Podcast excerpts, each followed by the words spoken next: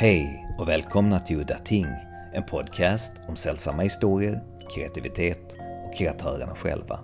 Mitt namn är Henrik Möller musiken var skapad av Testbild och loggan till podden är gjord av Malmökonstnären Nalle Chinsky. I det här avsnittet är en av mina favoritskräcknovellförfattare, Adam Golaski, gäst. Hans skräcknoveller har varit med i diverse tidskrifter och samlingar. Det finns bara en endaste egen samling som är utgiven 2008 och den heter Worse than myself och den är inget annat än ett mästerverk. Novellerna The Animator's House och The Man from the Peak är bland det bästa jag har läst i genren.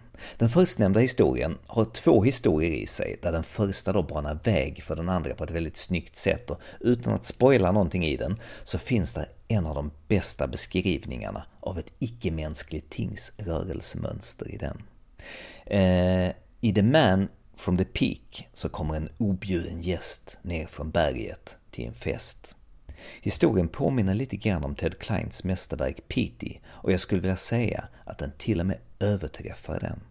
Nej, så det var med stor förvåning och glädje jag fick beskedet att Adam accepterade att göra intervju för Udda Ting. Så, varsågoda. Some writers really do believe in the supernatural and they have strange metaphysical experiences happen to them. Is this is this something that applies to you? I encourage the the strange. I I I, I look for and I'm interested in the mysterious, but I am not a uh, Victorian ghost hunter. I don't try to speak to the dead. Uh, yeah, and I, I, there are so many peculiar things in the in the world that uh, there's no, there's no dearth of material. It's always disappointing when things get wrapped up, and I think that's very much the the mysterious. The reason the appeal is the mysterious. Um, it's not because I'm grappling with, uh, you know, ghosts specifically opening story in the animator's house, the priest story, that is so good. It really gives the feeling of authenticity, a story that could have been told by someone convinced that uh, that they had experienced something something supernatural. For me, a lot of the details of that story are, are were grounded in uh, you know direct experience, uh, being out in the woods. Uh, a, a lot of the stories, as you know, the the book indicates, were were written in Montana, and I I don't know what Montana means to you, you know, and I don't know that I can explain, but it's a it's absolutely vast. It's the I think it's the fourth largest state in the United States, which makes it just a pretty gigantic landmass. And at the far west end of it, run reserved uh, Glacier National Park and more famously Yosemite, uh, where old Old Faithful, uh, you know, shoots up a, a spigot of, of hot water. Um, and these landscapes, these wilderness landscapes, are are extraordinary, uh, and in some ways they're they're bizarre to see. Um, you know, in Yosemite, you have these large stretches that are made from uh, mineral deposits, so they're they look like, uh, like piles of white and uh, crystalline lava that is that have hardened. Uh, it's quite an unusual landscape. Um, you you encounter these other sort of vast spaces in Montana that are some of them are are the result of of human activity. Um, there's a, a a lake in Butte, Montana, that is actually a a mine, an open pit mine that was that ceased to operate and filled with water that was highly acidic. Um, so acidic that if uh, you know a bird falls into it, it, it is burned if not killed. Um, and the, the the water is iridescent. It's it's beautiful, but it, there's something very eerie about it.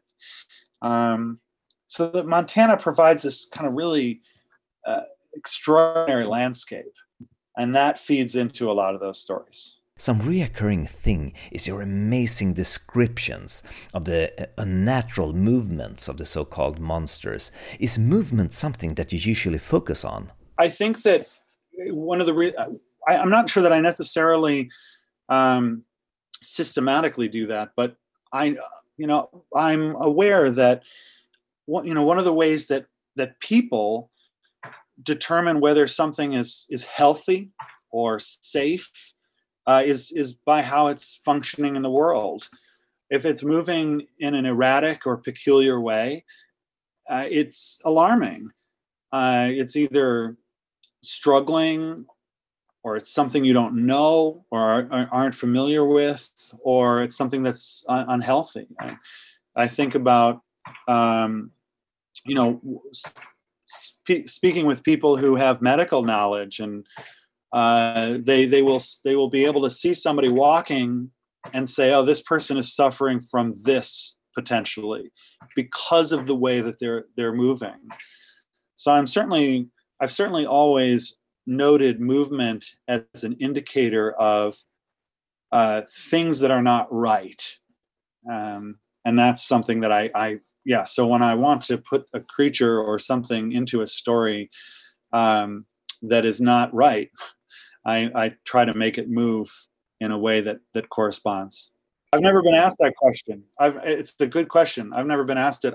And i don't mean to jump in again but i also um, have become very uh, good friends with a former student of mine who uh, studied and still does uh, dance. And i spent a lot of time talking with her about uh, choreography and and watching, you know, paying attention to her interest in uh, sort of language of movement. So it's a it's always been something that has just uh, drawn me and interested me. Well, speaking of this, uh, I'm thinking of the animal aspect of her movement. That story. What's the genesis of that story? I have to say that that is the weirdest story in the collection. um, every I think different people have their different strangest story. I must have been driving a lot when I wrote that story, and there are. Uh, that's the other thing about living in Montana uh, is that uh, you want to go anywhere. You're you're you're in a car, and it's going to probably take you uh, an hour or two or three.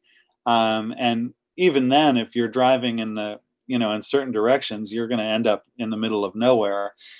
Um, so i was in the in the car a lot and i i started to think about the old um, the old urban legends the american urban legends about the car that's following the driver and flashing their high beams and the driver becomes agitated because they believe that the person who's following them uh, is is trying to threaten them and do you know this urban legend? Are you familiar with it? So it's a classic American uh, automobile legend. Uh, the the driver is usually a young woman, and she's alone on a dark road, and somebody pulls up or is driving behind her and keeps flat, you know, periodically flashing their high beams and and follows her all the way to her driveway. So she gets to her driveway. She's absolutely terrified and convinced this person is going to leap out of their car and assault her. She opens her door and jumps out of her car, runs to the front of her house, um, and manages to get in and discovers that the person who's been flashing their high beams have been trying to ha, uh, have became aware while driving behind her that there was actually somebody in the back seat of her car who kept trying to uh, get up with a hatchet or something like this to kill her and uh, by flashing the high beams that killer you know went back down and and didn't do the assault. And so the driver pursuing her is actually saving her. And anyway I was, I was sort of thinking about it's these automobile legends and um, the idea of the person preceding the the driver and anticipating the driver's uh, moves um, started to work its way into my mind. And i I guess that's the first part of the story. Um, and then the second half, I remember less clearly, but it's about what two young people and and I, I, honestly I don't really recall exactly what happens at the end of that story. Um, but I think the genesis was the um, is the is the automobile legends um, and and possibly um, encounters with deer and other uh, large and generally harmless uh, mammals out in the wild. And of course, I was also thinking about um, you know metamorphosis stories. it, it is ultimately a shape shifting story. I'm sorry, it's starting to come back to me, but it's been a while since I've read that story myself. Uh, yeah, yeah, uh, that that is something I have definitely heard. Is that um, you know there are stories of mine that uh, people debate whether or not uh, they end too abruptly or just abruptly enough, but the thing at the end of the Man from the Peak, you sort of get the feeling that he's chosen by the Man from the Peak to become his successor, so to speak. Is that a fair assumption, or would you like to expand on that ending? I like that idea, and I I I will leave it at that. But I will say that um, what interests me, what I started to think about when I wrote that story, um, and there are a couple of stories in the collection where I took something that uh, is a pretty traditional genre element. Uh, that that one is the vampire story.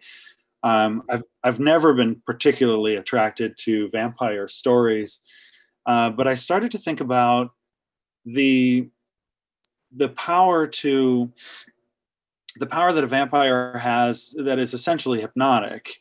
Um, that is the, the the ability to draw you towards something that is both horrible and clearly going to to destroy you in one way or another.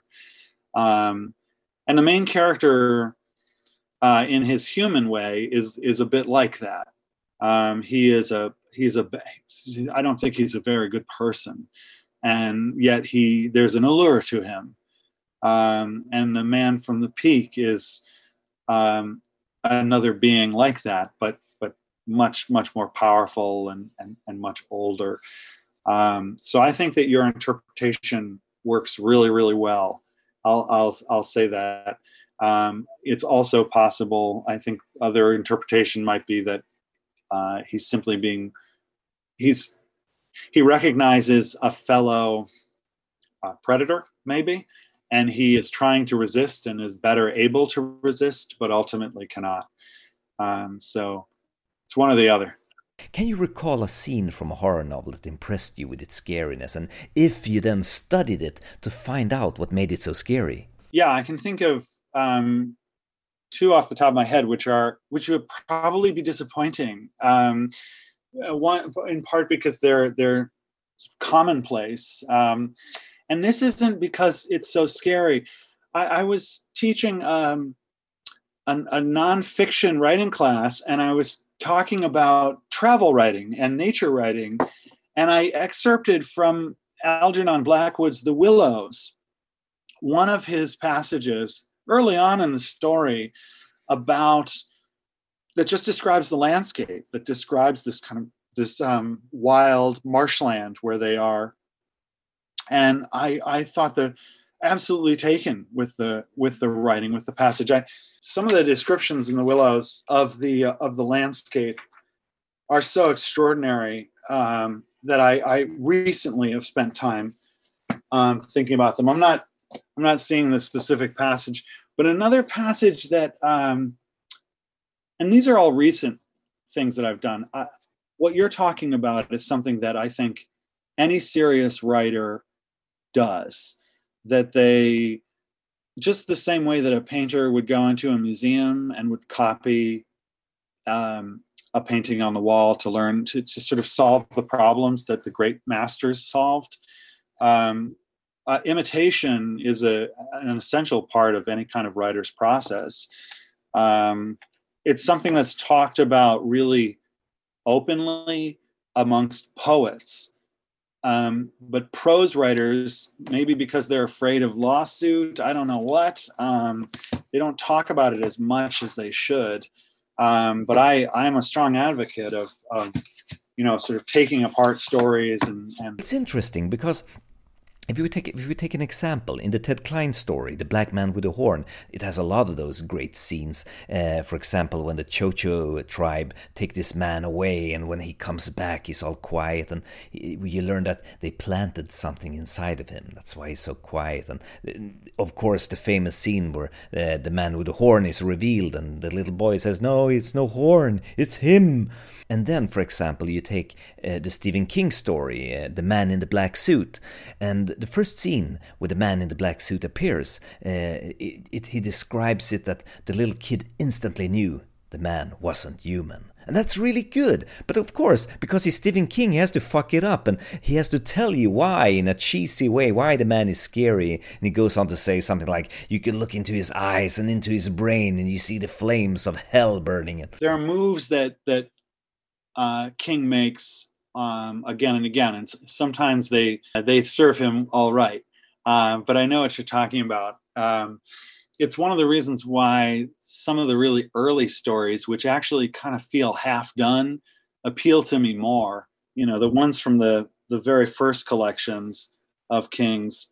Uh, but yeah, I, I, I know the story you're you're read, you're talking about. It's been a long time since I read it. Um, the Man in the Black Suit, I feel like is a um, uh, Devil and Daniel Webster type story. Okay, but to give Stephen King a little credit here, because that is actually a really good story and a pretty unique story. Because uh, in a, in a regular story, uh, the story would end with the protagonist escaping, but uh, he puts in a third act where the little kid and his father goes goes back to the place where it all happened, and they investigate. And that I thought that was pretty unique. I was thinking about another story that I had been taken with um, the the passage in uh, The Black Cat by Edgar Allan Poe, in which the narrator talks about perverseness and you know how, why he continually acts in ways that are perverse. Yeah, these are these are just some of the paragraphs that um, have stood out to me in the last few years. But um, I'm I, I'm I'm doing I do it all the time. I, I actually one of the things I, I like to do is look at stories that are are flawed but have something rich in them. Uh, and and most recently, that was um, I want to get his name here, Edward Lucas White's Lukundu. You know, so it's, it's a witch doctor story, um, but it has some really fabulous descriptions of uh, what the what the curse ultimately is. Um, and while I was reading it for the, you know, for the first time, I was I got really excited. Um, and there are so there are passages in it um, of descriptions of the of the curse, um, which which are sort of these small people that I thought were extraordinary and, and vivid. And um, I've you know I, I I'm constantly um, borrowing and and reshaping the the the short a, a bunch of the short stories that I've written recently make direct reference to other stories in, in, the sense that the the structure of the story is referenced or uh, some specific passage in the story is referenced and developed. Um, I did that with uh, Patricia Highsmith's story um, about the giant snails, um, the black oh, at Claveringi. I in search of the black Claveringi or something of that nature. So I've I'm always doing what you're asking about. Could you talk a little bit about works that made an impression early on on you and works that made an impression on you as an adult? It is spe- specifically interesting. If we're thinking about you know early stories, there are stories that I don't remember that well, but but moments from them impressed me um, you know, from my youth when when I'm very young. Uh, uh, and obviously, some of those stories I've tracked down. So this is why I know um, that it was the derelict. Certain Poe's stories like um, Berenice um, with the box of teeth at the end of it, and why these some of these stories really had an impact on me young. There are other stories that I I don't remember as clearly, and and some of them aren't even even genre stories. Um, you know, I recall one about a diving bell and um, not much else. Um, but I remember the atmosphere of being inside of this. Actually, you know, maybe it's a bathysphere, and maybe that's even the title of the story, the bathysphere. One of the one of the stories that had a, a really big impact on me is a very short uh, English uh, medieval tale called the the Shoemaker of Constantinople, and it just some of the imagery from it has has impressed me. You know what? Though one of the one of the stories that I recently rediscovered that really hit me um, now that I'm thinking about it is um, a story by Michael Blumlein. He wrote a story called um, Bestseller. And I've been, I taught it last semester and I'm going to teach it again this semester. Uh, it's the story about an author who is not being successful and has uh, a young family, has a wife and a young child, and is constantly reminded of his inability to provide for his family, um, which is something that I, I, imagine many writers, including myself, can relate to. Um, and he is contacted, or, or actually maybe contacts through an ad, um, an agency that seems to be interested in initially uh, conducting some medical tests on him and taking things from him, uh, you know, blood, uh, a little bit of skin tissue, uh, hair, um, and and things progress uh, where he becomes the bestseller, uh, his own his own body. The story actually is is is better than than that and i don't want to say much more about it. It's a short story. Um, it's a long short story but it's a short story.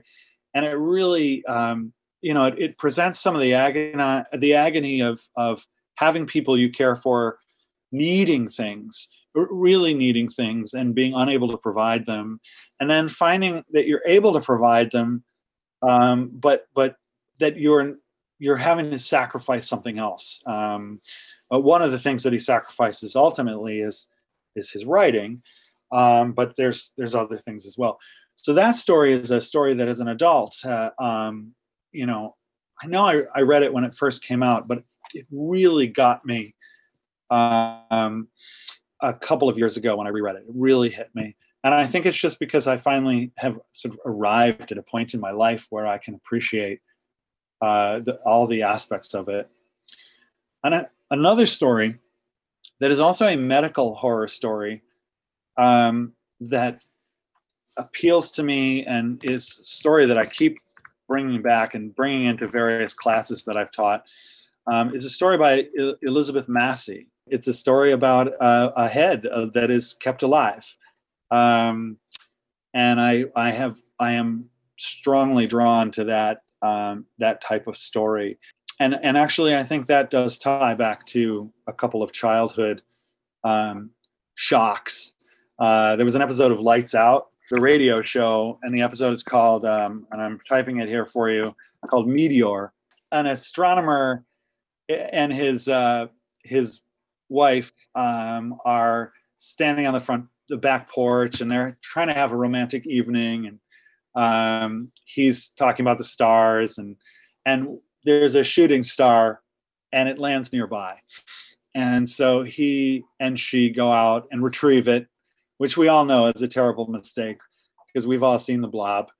Um, but he goes out and he retrieves it and he brings it back to the house and in fact inside there is this kind of blob of flesh um, and before their eyes it begins to grow and um, it's it grows into a, a head, um, which has uh, the ability to it's it's part of an invasion force and has the ability to um, to control them with a kind of hypnotic force, uh, which brings us back to the man from the peak, maybe. Um, but this that story had a big impact on me when I was a kid. I, I think it's wonderful. And Stephen by Elizabeth Massie uh, picks up on uh, without the without the kind of space science fiction stuff. It picks up on that, and it also Massie's Stephen also deals with um, uh, personal trauma. Um, you know, physical trauma. Uh, one of the characters in the story is is missing his limbs, um, uh, and the the narrator of the story has been uh, has survived um, a childhood full of assault, and uh, she is clearly suffering from trauma, um, and is is encountering these people who have who have suffered physical trauma as well as mental trauma. And and the, the combination is um, it's morbid. I think that's a good way of, of putting it these are two stories that as as an adult um, have really had an impact on me recently. When i was a boy my family were were were interested back back then uh, the way you could obtain radio shows that were made in the you know the 30s 40s and 50s um, was by either buying it on on LP, which seems absurd to buy an LP that has two half an hour stories on it, or maybe four if you're lucky, um, or buying cassettes. And my house was filled with those, um, and uh, we as a family would listen to radio shows, and I was very frightened by them. Um, and I mean, I, most of them are, you know, are not particularly scary. Um, but I I recall listening to, uh, you know, and I I still do, frankly, um, but episodes of, uh, you know, Lights Out, and Escape, and Quiet Please, um, and The Inner Sanctum, and some more contemporary shows. There was a show that was made in Canada that really terrified me, uh, which was called Nightfall and briefly, it was broadcast on the air here in the United States uh, and was released. A handful of episodes were released legally. Uh, and then a, a market uh, of cassette tapes, you find them every once in a while at, at conventions or wherever. And I would always snap them up. Now, of course, you can find all of these online and they're, uh, you know, whether they're out of copyright or not. So that was one way. Um, but I also come from a fairly literate family, and my parents read stories to us when we were little. And some of those stories were scary stories. They weren't all scary stories. My parents, you know, liked scary stories, but weren't, you know, I, I wouldn't call them necessarily horror aficionados. So I heard, I, I vividly recall having um, the Derelict by William Hope Hodgson read to me when I was a boy. Uh, I think The Derelict is the one where they board the ship, uh, and the ship itself is soft and it seems to be appears to be covered in some kind of mass of uh, fungal growth and it, it appears that the ship has actually become alive um, it, it, Hope Hodgson includes some of the sort of science fiction speculation that horror writers of his time uh, would often include, where he talks about life and what is life and what originates life. So the ship is essentially alive. Uh, the the crew, the people who board the ship, are either um, attacked, eaten, or or flee from the ship. Another story of uh, Hodgson's that I I swap um, in my mind is the stone ship, where the crew seem to, in the middle of the night, find a ship that's entirely made of stone. Um, and then in the morning, they they speculate about what they actually saw and whether or not it was really a, a supernatural ship or not. But, and my my parents read to me uh, Edgar Allan Poe, uh, who's obviously a foundational um, horror figure and so these were things that I was hearing when I was quite young. I don't think they read it with any intention of breeding a, a horror fan or a horror writer, but um, these were these were sort of the um, the texture of my of my childhood were these stories. I did see movies, um, but um, primarily either the Universal classics uh, from the 30s and 40s or um, 1950s uh, science fiction slash horror movies. Um, the original The Thing had a huge impact on me. Um, my my dad took me to see it. Uh, there was a Halloween uh, weekend event at the local science museum, and they uh, had they showed uh, the thing on a big screen in this big auditorium and i couldn't i couldn't stand it. It was too frightening.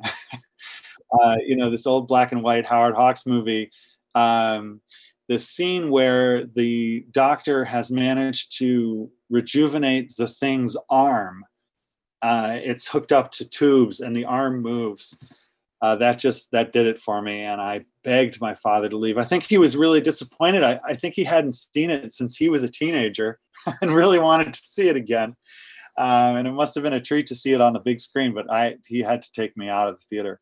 Uh, there are a lot of stories like that from my childhood too. Just me begging my father to either remove me from a theater or turn off a radio show or turn off a tv show. Um, i was very easily frightened Weird Furka, which I love. I mean, a story about a noise music DJ. I mean, come on, it's so great. But in that story, there's a lot of references and information about old recording equipment. Did you do research on that, or is, is that something you had knowledge of previously? Not hugely knowledgeable, but I, because of my interest in and my family's interest in old radio shows, um, I encountered as a kid um, you know, uh, uh, the the the reel to reel machines, um, and in fact, on the radio shows that I would listen to, they would often advertise things um, that uh, you know you could listen to stories on. So um, the Ampex reel to reel was a um, a piece of home listening equipment, and um, uh, but I yeah I I do I do tend to research um, that that sort of detail, probably more than I, I ought to. Um, I just I just sent off a story to an anthology, and in it, you know, there's a it, it's mentioned in passing. It's just a piece of furniture in the room, but I probably spent a day trying to determine exactly which typewriter it would be. Um, you know, it's a sort of detail that interests me. I'm sorry if I'm being intrusive here, but could you see one or several common themes in your stories that the, uh, that you keep exploring in your stories? There's a there's a secretive part of me that feels like, well, I don't want to tell anybody what these things are, um, because I want to keep dipping back in that well without anybody realizing. Um, but I am aware of certain things that um, that I keep going back to, um, certain images, certain locations uh, I was surprised when I was um, when I was assembling Worse Than Myself, and this was a while ago, but I remember, you know, remarking after I was done, I was like, my gosh, there's got to be a deer in every single one of these stories, um, and I'm not sure if that's quite true, but uh, there are there were deer all over that collection, and in the end, I was happy about it. It felt like a a unifying feature, a, a recurring image that um, tied a lot of the stories together. Um, the the the the decapitated head story that that old genre thing i love it. Um I, it's it's trashy it's um silly um it it's frightening. Um put a head in a jar or a brain in a jar um and i'm hooked. And i'm i I've been putting them into my stories here and there. Um, I actually wrote something for somebody's blog not too long ago. Um, my my the, the editor of the Plutonian Press, um, and I'll type that in um, Plutonian. Um, his name Scott, and I'm I don't know why I'm drawing a blank at his last name right now, but um, the the editor of this Plutonian Press, which has published a couple of anthologies, um, and I, I, was in the first one. Um, uh, he asked if I would write something for his blog, and I, I wrote a piece about heads. Um, and uh, let me see if I can. If I type in, I'm Google searching Adam Golaski heads Um, eh, there we go. It came up first. the, the the piece is called, um, and I'll I'll actually send you a link in the chat. It's called uh, Adam Golaski with excerpts from the Head Talk.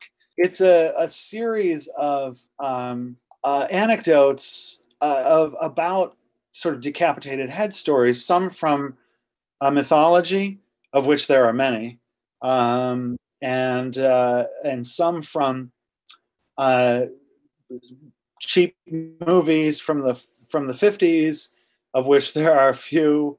Um, and also, I weave into the post, although I present the post as strictly nonfiction, I weave into it a, a story about my my youth, which which may or may not be. We'll leave it at that. Um, that also involves a, a decapitated head. So that's a that's an image that interests me. But these are these are just images. These aren't necessarily themes. And and if we look at the images, we probably um, start to see themes emerge. Whether those themes are um, isolation, um, disassemblage, things being taken apart, um, the the sort of power of um, obsession, um, you know, the, the, the, sort of the power of, of perverseness, the, the, the willingness to do things that are harmful to oneself and to the people that you love. Um, the uh, the fascination, and I use the word fascination uh, specifically. It's it's more than just interest, right? Fascination is right there on the edge of obsession and unhealthier um, in, interests, and so that's something that comes up. Um, I just wrote a story about um, uh, people who are collecting uh, action figures from the 1970s. It, it appears initially to be just about um, people who are collecting these action figures, and it, it it reveals itself to be a story about more unhealthy um, fixation um, on the objects themselves, uh, on the past. Um, I would say that uh, nostalgia is something that is often um, a feature of, of, of my stories, and and nostalgia in the in the full sense of the word, not just um, kind of acute attraction to things that are old, but but that kind of sad uh, longing for something that's gone. Do you have a method when you work? Like, for example, if you sit reading a book and you suddenly get inspiration while reading the book and you put it down and take notes, and how do you work? I think that anybody uh, who's who's writing and who's who's looking for stories is always looking for stories. Um, the method changes. Um, one of the things that I find that I need to do more and more is to work uh, away from a screen, away from a computer screen. So um, I I have really enjoyed. This makes me sound like um, a commercial for uh, lemonade or something. I really enjoy sitting on my front porch, and uh, which isn't really much of a porch. Uh, it's steps in a small little area with a chair on it, and I will uh, do a lot of work there. And I, I'll, I'll, you know, sometimes I take inspiration people who happen to be in the neighborhood. Um, I I frequently like to go out into the world and make direct observation and and write down direct observation. Um, but but what you're talking about too, you know, um, watching a movie, you're you start to drift and you start to think about an idea and you put it down. Um, I do it almost all with a pen and paper, um, you know, as opposed to to sitting down at the computer and writing. Um, I find that helpful. I write a lot in the margins of my books.